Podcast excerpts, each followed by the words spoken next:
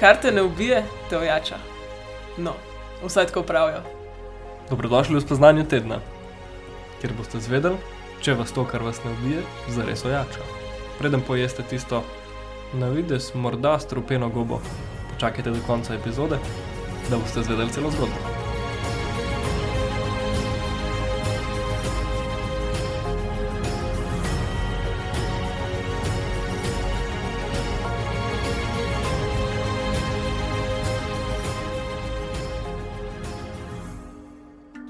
Ok, ima malo heca, malo resnosti. Palce in kamni lahko polomijo moje kosti, ampak mojega duha nikoli. Povej nam, kar nas ne ubije ali nas res ojača. Mikrofon je tvoj. Hvala. Seveda je to itek odvisno od situacije in spremera in vsakega posameznika. Ene stvari nas res ojačajo, ampak jaz bi z vami delila eno zgodbo. Mojo zgodbo. Namreč zadnjič sva z enim mojim prijateljem govorila o Novi Zelandiji in kako je to najno potovanje s Kristinom bilo oh in sploh in kako mi dva živela sanje in vse. In kot vedno jaz poskušam povedati ljudem, da ni, ni bilo to samo med in mleko in nebesa in rožice in ne vem, sončki in ne vem kaj še vse. Mi da smo imeli tudi res težke trenutke, tam, mi da smo živela življenje, nismo bila tam na počitnicah. Vse je bilo tam, od tega, da zboliš, do tega, da se ti avto razbije, do tega, da smo se na smrt kregala čez vse možno smo šli, da so bila zgubljena in tako naprej. In potem jaz to razlagam temu prijatelju, ne, pač je bilo to težko in tako naprej. In on meni reče: No, ampak vse veš, kaj pravijo. Kar te ne ubije, te ojača. In takrat sem se prvič tako ustavila in se razmišljala. Ne, pravzaprav ne bi rekla, da me je to ojačalo. V bistvu me je naredil bolj mehko. In se mi je začelo zdaj, da mogoče ta pregovor velikrat sploh ne nosi resnice s sabo. Da če stvari, čez kere gremo in so težke, včasih nas naredijo bolj človeške, bolj empatične, bolj mehke, nam pokažejo stvari, ki jih prej nismo videli. Mogoče nas ojača na način, da smo pripravljeni potem druge ljudi gledati kot ljudi in jim pomagati prijeti čez. Ampak ne bi rekla, da je pravzaprav ta pregovor pravilen včasih nas težke situacije naredijo bolj človeške in nam pokažejo stvari, pred katerimi smo se skrivali prej. Stvari, ki so v bistvu za počistiti in odpreti. Ne pa zato, da se ojačamo, da se skrijemo, da postanemo še bolj trdi in neomajani. Ja, ti rečeš, ti sta goba, če boš pojedel goba, pa boš umrl. Seveda te goba ne bo ojačala, goba ti bo uničila življenje. Goba ti bo uničila telo in nikoli več ne boš enako močen. Psihološko niči si isto ko ti doživiš kaj zelo težkega in doživiš travmo, je na začetku res, da poješ eno stropeno gobo. Ampak čez čas lahko to travmo pravzaprav na novo povežeš v svojih možganih, spravo nevrone, povežeš na drugačen način, hmm. da ne dojemaš več na isti način, tako da se dejansko lahko vrneš čez to. Ampak mislim, da vedno nekaj pusti. Vedno ti pusti to, da nekje dol bomo vsi, mislim, nekje dol bomo lahko razumeli ljudi ki grejo čez isto, oziroma ki imajo težke trenutke. In to nas bo naredilo mehko, in to nas bo naredilo bolj človeško, in to nas bo naredilo boljše ljudi. Pravzaprav.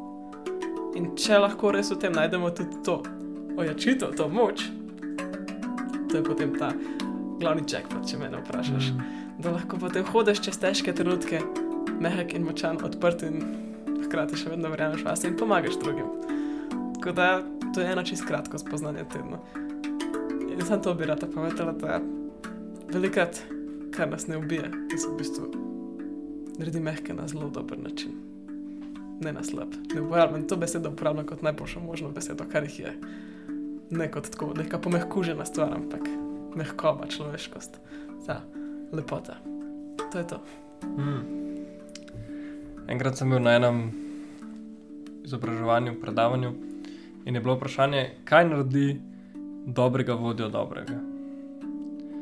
In eden od odgovorov je bil trda koža. Mm. In bilo zelo zanimivo, pa smo se začeli o tem pogovarjati, kako mogoče tukaj pride v poštev to, kar si ti govorila. Ne? Trda koža v kontekstu česa? V kontekstu tega, da je neprebojna, da ne vidiš čustev, da je zaprta pred svetom in če morkoli, nič ga ne pretrese, ali je ta trda koža agilnost, odpornost. Se pravi, da karkoli pride, te v bistvu ne bo vrglo iz tira. In se mi prav to zdi, da kar te ne ubijete, naredi bolj prilagodljivega ali pa Mhm. bolj, bolj pripravljenega za še eno novo vrsto situacije. A Ne, in to, kaj je dober, dober vodja, je tak, ki zna pokazati svojo ranljivost, ne, ampak hkrati, če pa pride resna stvar, bum, je pa že pripravljen se z njo ukvarjati, oziroma ne, je odporen na karkoli, neomajen mogoče. Tudi. Um, tako da se mi to zdi, da smo pač bolj, če znamo brati svoje ranljivosti ali pa svoje trenutke, ko smo bili ne, skoraj ubiti, če jih znamo prepoznati, predelati in uporabiti za to, da smo mi močnejši, bolj odporni, to se mi zdi to. Ne. Pa zdaj ne bo to mehkoba, recimo, zate, ampak lahko je po življenju tudi kaj drugega. Ampak karkoli, ki nam daje neko učenje, nek nauk, ki ga znamo uporabiti, se mi zdi, da tukaj pride pa upoštev to, kar si rekla. Mm, definitivno, ne, meni je sam, mi je smešen, ker se tako zelo promovira ta več. Postaneš močnejši, pa trši, pa ne vem kaj.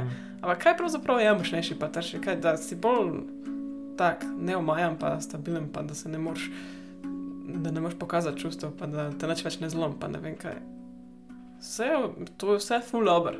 Ampak tudi full over je čutiti, pa dobro se zlom, pa naučiti kaj noga, pa je čez neki noga, Mhm. pa dober je čutiti druge ljudi, biti empatičen. In to je to, kar se mi zdi, da je eno veliko darilo. Ko se ljudem zgodi, da ko se pač zlomimo, potem lahko razumemo, kako je Mm, biti nekdo, mhm, ki mu je težko. mhm. In ta empatija manjka v tem svetu in to mi je všeč. Zato jaz rečem, da kar te ne ubije, ti naredi bolj mehko. To je super, to je toliko pomembno, ker to pozabimo kot ljudje, velikrat se mi zdi. Super. Ok, Če imate koga, ki ga ni ubil, bi radi, da, da ga ojača, ali pa naredi bolj mehkega, pošljite mu to. Oziroma, če vam je bilo tole vredno, povejte nama, naročite se na podcast, podelite ga. in še prej greste, bi spomnila sem še na to, da včasih po res hudem neurju, po res močnem vetru, drevesa ne stojijo več, ampak trava pa še zvedno. Trava, ki je najbolj mehka, najbolj upogljiva, drevesa, ki so najbolj trdna in stabilna. Pa lep dan.